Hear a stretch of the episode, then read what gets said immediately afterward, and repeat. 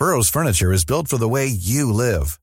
From ensuring easy assembly and disassembly to honoring highly requested new colors for their award-winning seating, they always have their customers in mind. Their modular seating is made out of durable materials to last and grow with you. And with Burrow, you always get fast, free shipping. Get up to 60% off during Burrow's Memorial Day sale at burrow.com slash ACAST. That's burrow.com slash ACAST. burrow.com slash ACAST. Selling a little or a lot? Shopify helps you do your thing however you cha-ching. Shopify is the global commerce platform that helps you sell at every stage of your business. From the launch your online shop stage to the first real life store stage, all the way to the did we just hit a million orders stage.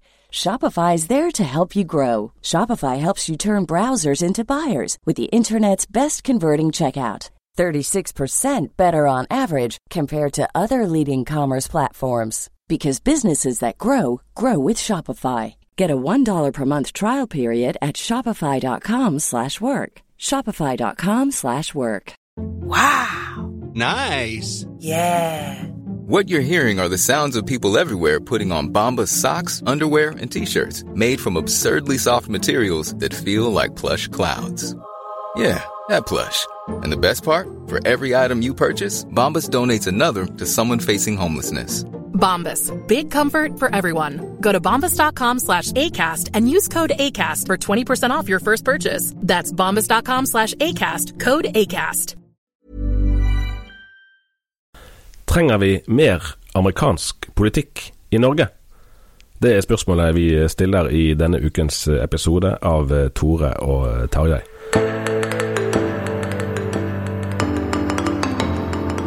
Tor Hjalmar Sævik, du er på hjemmekontor på Sotra. Jeg, Tarjei Gilje, sitter faktisk innom på, i kontorene våre i Bergen, nesten i Bergen sentrum. Her er litt byggearbeid, så du kan være med å mute litt uh, underveis. Og så har vi med oss Marie Jones Brekke, som er lokalpolitiker for Kristelig Folkeparti i Stavanger, og dessuten vararepresentant på Stortinget. Kjekt at du ville være med. Veldig kjekt å få være med.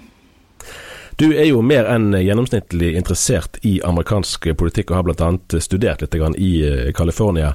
Hvis jeg spør deg helt åpent først, hvordan ser du tilbake på Donald Trump sitt presidentskap nå når det ser ut til å nærme seg slutten? Ja, det, det var jo et interessant spørsmål. Jeg ser jo tilbake på det med mye, mye fokus på amerikansk politikk. Fordi at han har hatt en vanvittig evne til å bare skape sensasjon, skape overskrifter. Så jeg vil jo si at de fire årene som ligger bak oss, har jo nordmenn mer enn noen gang vært involvert i amerikansk politikk på godt og vondt. Eh, på mye for meg som i utgangspunktet har en sånn republikansk tilnærming, har jo sittet og vridd meg i sofaen litt og kjenner på at det er krevende å ha en president som er, som Erna Solberg sa, meget uforutsigbar. Du er litt sånn lurer på hva kommer nå. Eh, samtidig som det har vært en, en, glede på mange måter å se på en del av de gjennomslagene som han har eh, fått til. Eh, den siste nå med den siste, altså Han har jo fått bytta ut høyesterettsdommere i, i stor stil, og jeg må si at jeg er veldig fornøyd med det. Eh, siste med Amy Comey Barrett, som jeg syns virker som en fantastisk dame. Så, så det er mye bra, men òg veldig mye sånn der oh, Hva skjer nå? Hva som er, hvis, hvis, jeg skal få bryte inn med et spørsmål tidlig her, Tare. Hva, hva som gjør at uh, du er fascinert av republikansk politikk? Du, for, for, du nevnte jo det da vi snakka litt i lag her før, før, vi begynte, at, at, du var engasjert også i, i studentforeninga til republikanerne da du studerte i California. Ja, eh, jeg gikk inn med en sånn tilnærming av at i Amerika så må jo jeg nesten være en republikaner i kraft av at jeg rett og slett er pro life.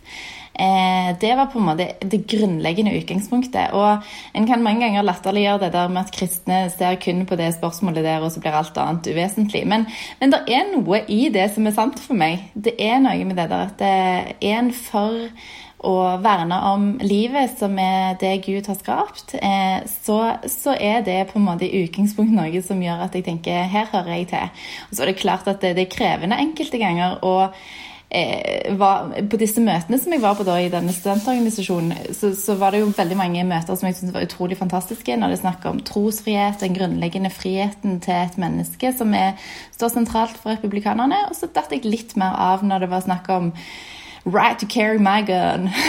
og alt dette her med våpen og, og, andre, og andre, områder også, som er litt mer sånn krevende i forhold til det der å på en måte ja, ikke ha velferdsordninger som er grunnleggende for oss nordmenn.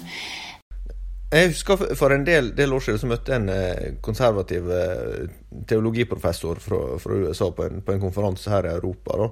Og uh, Han fikk spørsmål om hva um, sak som var det viktigste framfor neste presidentvalg. Det tror jeg var, var valget i 2012. altså Det er jo også kongressvalg uh, samtidig. Og da uh, er det første å nevne skattelettelse. For, for, skatt reduserer friheten din. Og det er jo sånn, altså Som, som KrF-politiker så, så, er jeg ikke kanskje vant med å høre at det er det første forslaget en, en legger fram på et landsmøte, f.eks. Nei, på ingen måte. Eh, det er vel ikke noen spesielt omstridt påstand at, eh, at, eh, Donald Trump med f.eks. sine mange Twitter-meldinger har uh, gjort det nokså lett da, for sine kritikere. Men jeg lurer på Marie, hvordan du um, likevel vurderer uh, f.eks. medieomtalen av ham her hjemme. da, fordi er, Han er jo ikke den første republikanske presidenten der sikkert da norske journalister, men òg folk i Norge opplever en større avstand til, til en republikansk president enn man gjør til en demokratisk president. Ja, jeg tenker at media her i Norge spiller jo en stor rolle. Og media i USA for øvrig òg, egentlig. Men, eh, men, eh, den vanvittige kampen han har på en måte kjørt mot media og, og på en måte kjørt fram fake news osv., det er jo på en måte for oss veldig sånn uforståelig. på en måte. Altså, media er jo en viktig aktør i det med på en måte et levedyktig demokrati, tenker jo vi. Men, men det, kommer jo fra en plass, og det, jo, det, kommer fra en plass av at veldig mange opplever at media eh, beskriver en virkelighet som de ikke kjenner seg igjen i. Eh, og det, det, er jo på en måte noe som jeg tror at har gjort at til tross for at media har vært sånn som de har vært her i Norge, så det er til og med enkelte her i Norge som setter pris på at det bare er en person som som eh, sier akkurat det en tenker på, og, og, som ikke på en måte tilpasser seg til media. Men, men det som jeg syns er interessant, eh, det er det at medias dekning av han nå, spesielt i presidentvalgkampen, altså den, den er så skeiv enkelte ganger. For jeg har sett ganske mange av de der talene han har på disse ralliesene sine.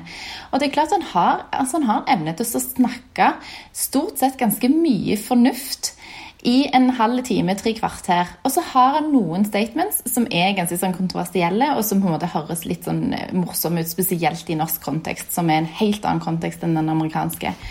Og så kjører NRK og de store mediehusene fram akkurat de utsagnene, og så blir han en klovn. Men hvis du ser hele greiene, sånn som jeg har tatt meg tid til å gjort ganske mange ganger, så er det faktisk en hel del fornuft. Og, og jeg tror nok at det er en del av den fornuften som har gjort at en del har valgt å stemme på han. Ja, for nå, altså, Demokratene skryter jo nå av at de, eh, altså Joe Biden er den som har fått flest stemmer noen gang i et amerikansk valg. Og så skryter jo Donald Trump på sin side av at han er den sittende presidenten som har fått flest stemmer, altså i rene tall, ved noe valg. Eh, og det, det sier jo noe, det òg. Altså, det er jo 70 millioner som har eh, stemt på han, de er neppe idioter hele gjengen. Absolutt ikke. Eh, og det syns jeg òg er en sånn ufin greie fra norsk side, da, altså fra norsk medies side, at en sånn skal idiotforklare 70 millioner amerikanere. Dette er oppegående mennesker som har tatt noen vurderte valg og, og klart en lande ned på en presidentkandidat som vi føler oss veldig lite tilfreds med. Men, men det er, er, vurderinger de har gjort som, som, som, ikke gjør de til idioter, altså. Eh, og det, det syns jeg er veldig viktig. Og jeg syns at det er en sånn ufin ufin strategi fra, fra, en del på den andre siden, da. Fordi at en på en måte nesten Altså litt sånn eh, Litt sånn som Joe Biden kom og sa da, at hvis du er en svart mann som stemmer republikansk, then you ain't black. Eh, det er litt sånn eh, du, du, blir nesten fratatt din identitet, din verdi, hvis du stemmer noe annet enn demokratisk så, på demokratene. Så, så, her er det noen utfordringer. Vi snakker jo ofte om polarisering av debatten, både i Norge og i USA. Og der er jo selvfølgelig polariseringen i USA sterkere. Eh, i virkeligheten så får, kan man få et inntrykk av at det vi egentlig mener er på en måte at, at høyresiden går for langt i å skape avstand til det fornuftige sentrum. Det kan, kan bli en sånn underliggende fortelling. Jeg tror Hjalmar, jeg har lest denne uken her en artikkel eh, der en amerikansk skribent mener at eh, tillitsnivået mellom demokrater og republikanere etter hvert er så lavt at det er å ligne mellom den tilliten, eller mistilliten, som finnes mellom israelere og palestinere. Eh, og da skjønner vi at, at, da er det, hvis det er riktig, så er det jo veldig, veldig Eh, alvorlig, og da kan det bli ganske farlig. Eh, når Donald Trump ble innsatt i 2016, sant, det var da han snakket om 'America First', eh, og det var en tydelig sånn kontrast til, til en annen bevegelse i USA. Hvor mye klarer du å kjenne igjen av republikanernes opplevelse av at det er slett ikke bare de som bidrar til polarisering?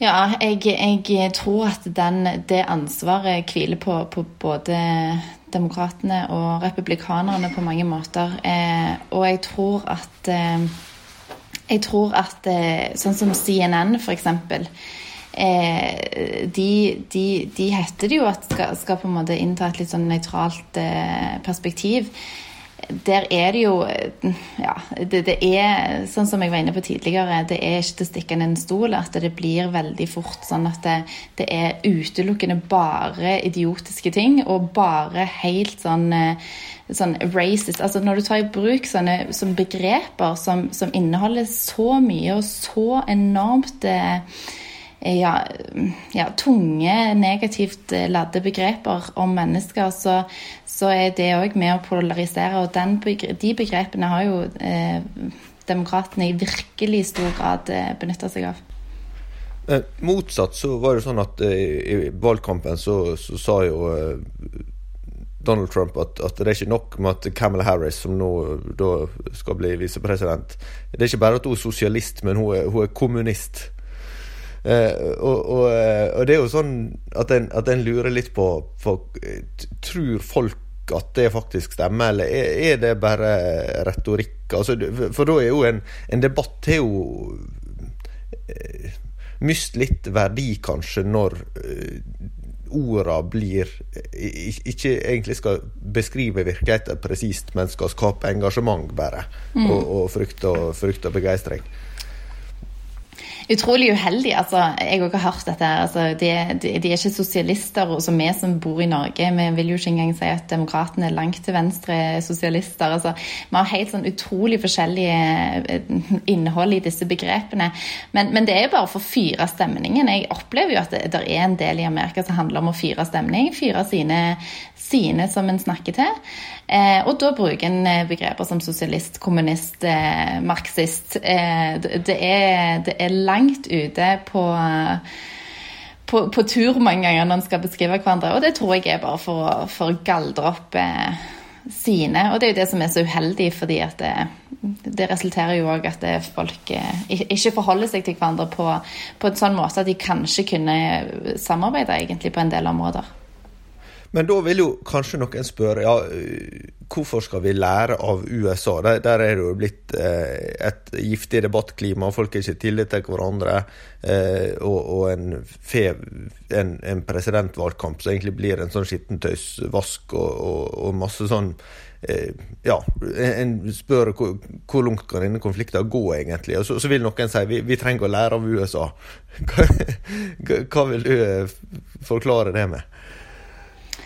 Altså, jeg tror at vi kan lære av USA på noen områder, men det er definitivt en hel del områder der, eh, der jeg tror vi alle bare kan være enige om at det, la oss være takknemlige for at vi bor i Norge, og for at debattklimaet er som det er.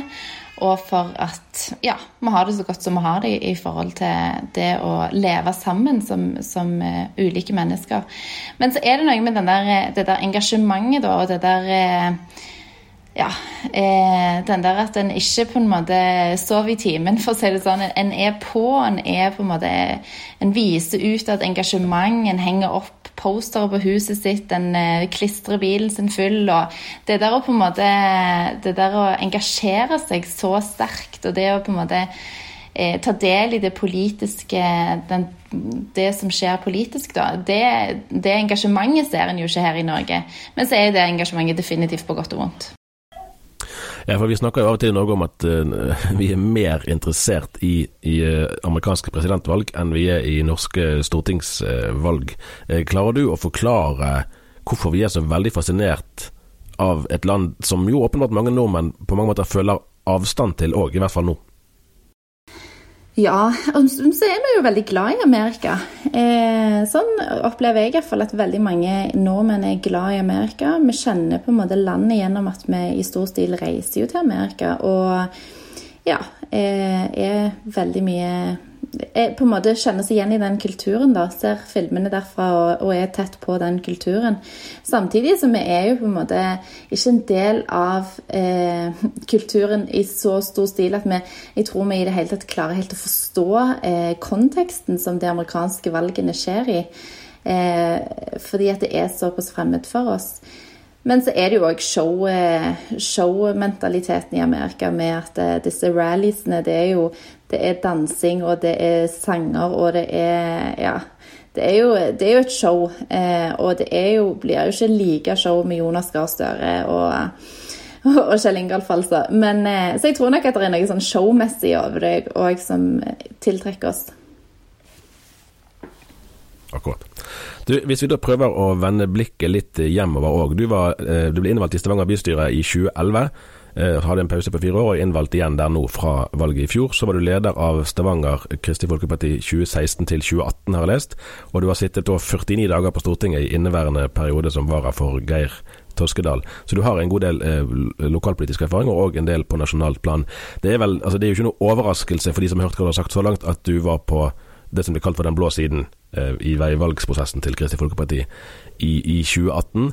Eh, hvor aktuell tenker du at debattklimaet vi ser i USA eh, er for politisk debatt i Norge? Jeg vil si at det er milevis ifra, og jeg, jeg, jeg, er fornøyd med at debattklimaet er annerledes i Norge. Jeg setter pris på den siviliserte debatten som, som vi har her.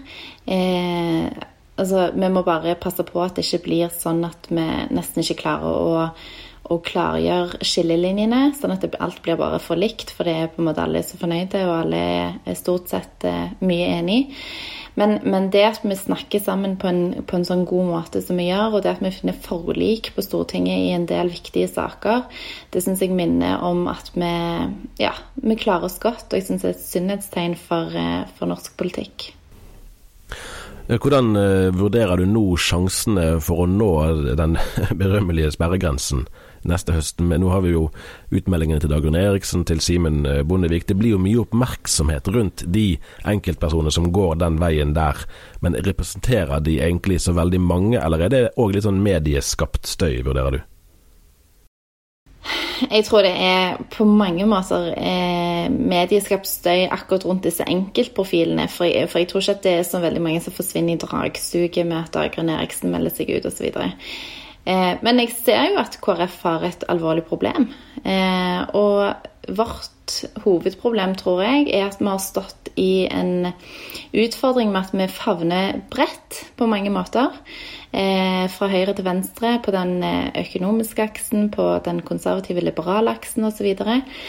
Og nå har vi kommet i en situasjon der partiet De kristne står til høyre for oss, og så får vi et parti i sentrum som står til venstre for oss. Og Det illustrerer på mange måter KrFs utfordring. Det er at en har gjerne ikke ønsket å på en måte innta verken det ene eller det andre rommet helt tydelig. En har på en måte prøvd å få gjort alle til lags, eller de fleste til lags, som, som har vært i, i, KrF. Men vi har en liten utfordring med det å på en måte synliggjøre hvor er det vi eh, er aktuelle, hvor kan vi innta tydelige standpunkt som vi kan stå samla om.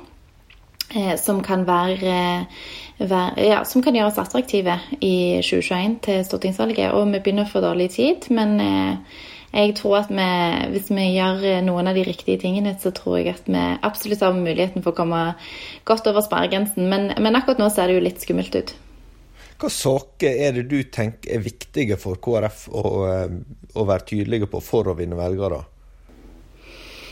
Jeg tror, at det er, altså jeg tror at det er utrolig viktig, som jeg skrev en kronikk om i dagen nå på lørdag, at det å på en måte innta enda tydeligere standpunkt og gjerne på en måte presse ekstra hardt på i, i kommunikasjon rundt de sakene som KrF allerede har troverdighet på.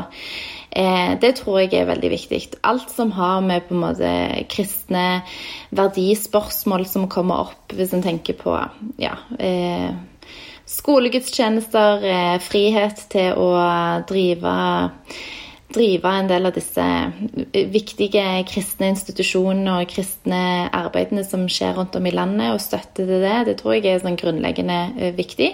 Selv om det er ikke aktuelt i, alle, i liksom de store spørsmålene. Men familiepolitikk, der en har troverdighet fra før av det og på en måte ja, synliggjøre de typiske, klassiske KrF-sakene i enda større grad, og kommunisere de eh, eh, Fokusere på å få de kommunisert godt ut, det tror jeg vil være, være veldig viktig.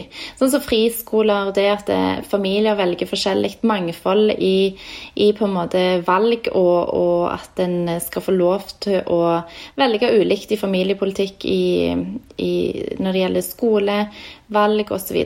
Det tror jeg er gode KrF-saker.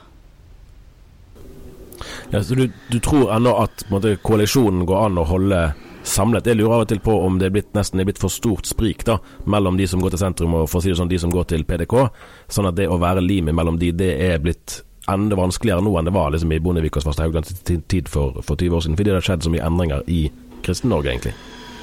Ja, jeg tror absolutt at det blir for krevende på mange måter å, å være det limet. Så vi må velge vår vei. Eh, å velge en, en, tydelig retning og få kommunisert den ut på en, på en, god måte, så tror jeg at vi har stort potensial. Men eh, det der å bare hele tiden holde på å balansere for å på en måte eh, samle den bredden, det tror jeg vi må være mindre fokusert på. Heller å på en måte tenke at vi skaper vårt prosjekt, kjører vårt prosjekt, og så får de som hører hjemme hos oss, gjør det. Og så forhåpentligvis treffer en flere nye òg. Du har jo ditt eh, yrkesliv ved Stavanger kristne grunnskole. Du er lærer, nå er du vel i mors eh, permisjon. Jeg hørte kanskje minstemann, lurer på, her så vidt eh, i sted. hvordan ser du på fremtiden der, tenker jeg på, for det er jo et av de områdene der tenkningen om statens rolle i forhold til sivilsamfunnet kanskje er mest forskjellig fra USA til, til Norge. Sant? Vi er vant med en, en, at staten er en venn. Både Torben Jagland har skrevet bok nettopp om det, om hvor viktig staten var som instrument i, i velferdsbyggingen. Hadia Tajik har akkurat skrevet bok om at kristne friskoler kan fungere splittende i et lokalsamfunn. Eh, Hvordan ser du på ansettelsesfrihet, og i det hele tatt eh, friheten til å bevare en kristen skoles egenart, f.eks. den skole der du sjøl er ansatt i tiden fremover? Ja, jeg tror at det veldig mange av oss har på en måte alltid kjent at vi er på mange måter sosialdemokrater, og at staten er, er ingen fiende. Staten er på mange måter eh, det sikkerhetsnettet som, som hjelper oss eh, når vi trenger det. Og eh, jeg tror kanskje at det er et skifte på gang i forhold til disse tingene. Fordi det er mye mer kamp om hvorvidt en kan Eh, stille krav til sånn som du er inne på, ansettelsesfrihet, stille krav til, til forskjellige eh, områder i livet for at en skal kunne ansette osv. Det er jo mye mindre populært, og det er krevende å stå i det. Og jeg var så glad for nå når KrF sitt program ble lagt fram, eh, at det var en sånn grunnleggende bit av programmet at det skulle fortsatt være ansettelsesfrihet i organisasjonene og i, bl.a. i friskolene. Fordi at det, det, er en sånn grunnleggende frihet. Men jeg tror nok at en del kristne i Norge begynner å kjenne litt mer sånn skepsis til hvor er vi på vei hen? Eh, hvor eh, stor inngripen er det staten kommer framover til å gjøre? Eh, versus det med at eh, staten på mange måter bare ønsker oss vel og, og vil oss alt godt. Ja, Vi hadde talende leserinnlegg fra pastor Egil Elling Ellingsen i Imi-kirken her nå kanskje en måneds tid siden, rett før valget. Eh, der han fortalte at eh, han hadde snakket med en, en, kristen venn fra USA, og så hadde da Ellingsen fortalt at ja, han var i farspermisjon. It's the welfare state, hadde han forklart. Og da var det amerikanere som så skeptisk på han. Ja, du snakker om det som om det var en god ting. og forskjell i virkelighetsoppfatning kunne nesten ikke vært større. Men der, for der er jo noe av det interessante at, at teologisk konservative kristne, da, for å bruke den eh, betegnelsen, de kristne i USA som de ellers identifiserer seg med, vil jo gjerne være noen av de som står fremst i nettopp å uttrykke skepsisen til nei, nei, nei, vi må ikke gjøre virksomheten vår avhengig av statlig støtte, for den kan forsvinne, og hva i all verden gjør vi da? Og der er jo vi i Norge sånn at veldig mye kristen virksomhet, f.eks. skolene, er i virkeligheten basert på offentlig støtte, og det er nesten umulig å se for seg at de skal kunne drive videre hvis de ikke har den støtten. Absolutt. Men jeg tror, at, jeg tror at det gir oss en på en måte sånn tankekors òg. At hva gjør vi den dagen eventuelt staten sier at nei, vet du hva, nå dere, driver dere så langt ut forbi vårt Eh, vårt område av eh, på en måte verdiformidling osv. Så, videre. Eh, så nå, nå, kutter vi støtten. Og jeg tenker på den generelle tros, støtten til trossamfunn osv. òg. Fordi at det er veldig mange menigheter og skoler osv. som drives av kristne, er, er avhengig av den støtten en har av staten. Og jeg tror på mange måter at vi må begynne å planlegge litt for Kanskje det høres veldig sånn negativt og skeptisk ut, men jeg tror vi må planlegge for hva skjer den dagen, hva gjør vi, hvordan organiserer vi oss den dagen vi tenker tenker at ok, det er ikke verdt å få den støtten av staten, fordi at det kommer med så mange krav og så mange forventninger som vi ikke ønsker å leve opp til, fordi at vi ønsker å være frie. Så jeg tenker at eh, gjør vi lurt, så, så, innstiller vi oss på at tiden endres, og at den, eh, den veldig sånn drevne av staten-tankegangen kanskje ikke alltid skal forbli sånn. Hvordan eh, vurderer du eh hva skal vi si, virkelighetserkjennelsen, f.eks. i, i Kristelig Folkeparti blant velgerne der, når du snakker med de, om situasjonen vi er i. altså for her vil jo igjen da amerikanere antagelig hevde at vi er så lullet inn i sosialdemokratisk trygghet at vi ikke innser realiteten rundt oss før det kanskje er for seint. Men så har du da noen vil jo si f.eks. at partiet De kristne bidrar til krisemaksimering. For eksempel, vi jo et leserinnlegg i går der KrF ble anklaget for å ville kriminalisere kristen tro eh, i forbindelse med, det, med den nye Altså dette med, med uh, trakassering ytringer i forhold til kjønnsidentitet.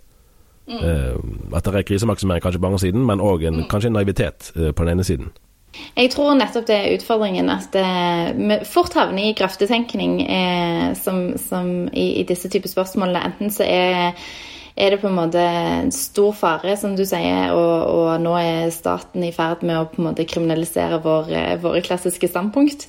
Eh, eller den der naive til, eh, tilnærmingen at eh, nei, vi vil alltid bli tatt vare på og ivaretatt, og vi har grunnleggende trosfrihet, og det kommer alltid til å ha i dette landet.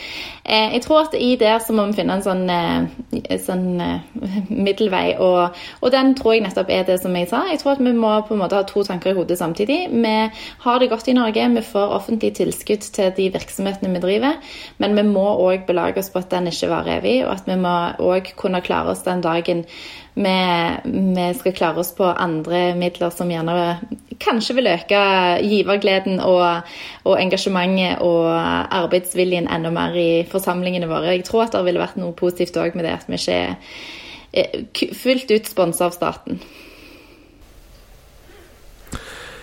Du har fått eh, Fire barn, eh, det er ett mer enn Tor Hjalmar og meg har eh, hver. Eh, I, i liksom selvpresentasjonen til den skolen da, der du jobber, så heter det i, på, på nettartikkelen at skolen skal ikke isolere eller beskytte barna fra omverdenen, men barna skal lære å møte omverdenen med trygghet på seg sjøl og kjærlighet til sine medmennesker.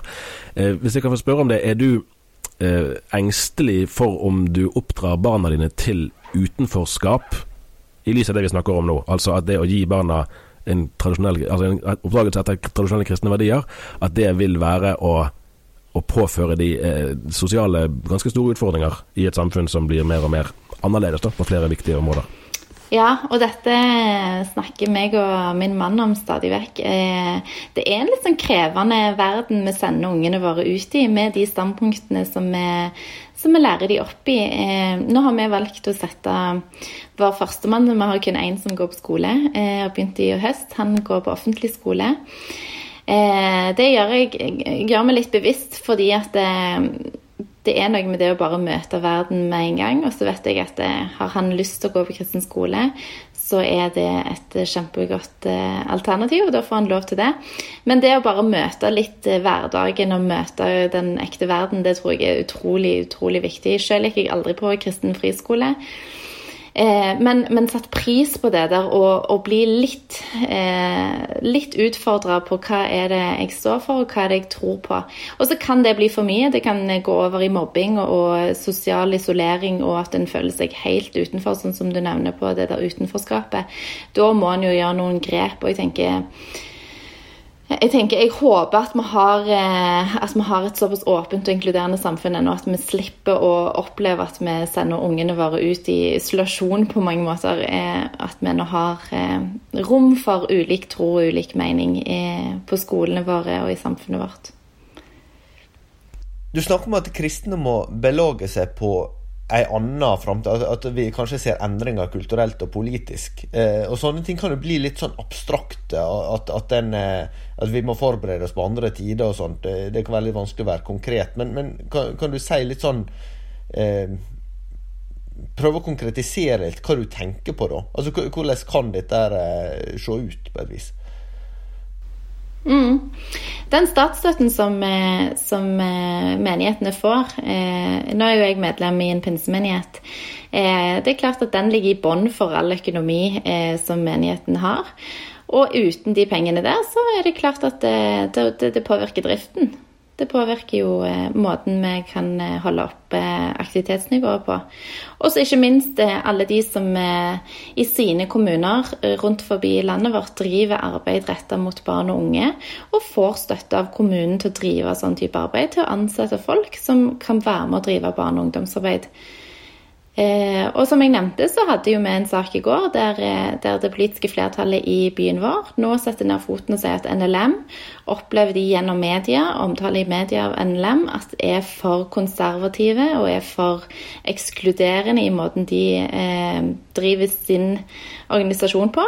Så de vil vi ikke lenger eh, gi den støtten som de alltid har fått til det de har drevet av, av arbeid. Og det er jo klart at da må man snu seg rundt og, og, finne ut skal vi fortsette, eller skal vi bare si at ok, så lenge kommunen og stat trekker seg ut, så, så, så, så legger vi ned den delen av eh, arbeidet. Men der tror jeg at det er viktig å på en måte bare innstille seg på at det blir en ny hverdag, og at vi må gjerne belage oss enda litt mer på ja, dugnad og giverglede og arbeidsinnsats. Og der er jo amerikanerne verdensmestere. Enormt. Ja. Dette er veldig spennende. Takk skal du ha for praten, Marie Jones Brekke. Vi høres gjerne igjen, og det får andre lyttere òg sjanse til å gjøre allerede neste uke.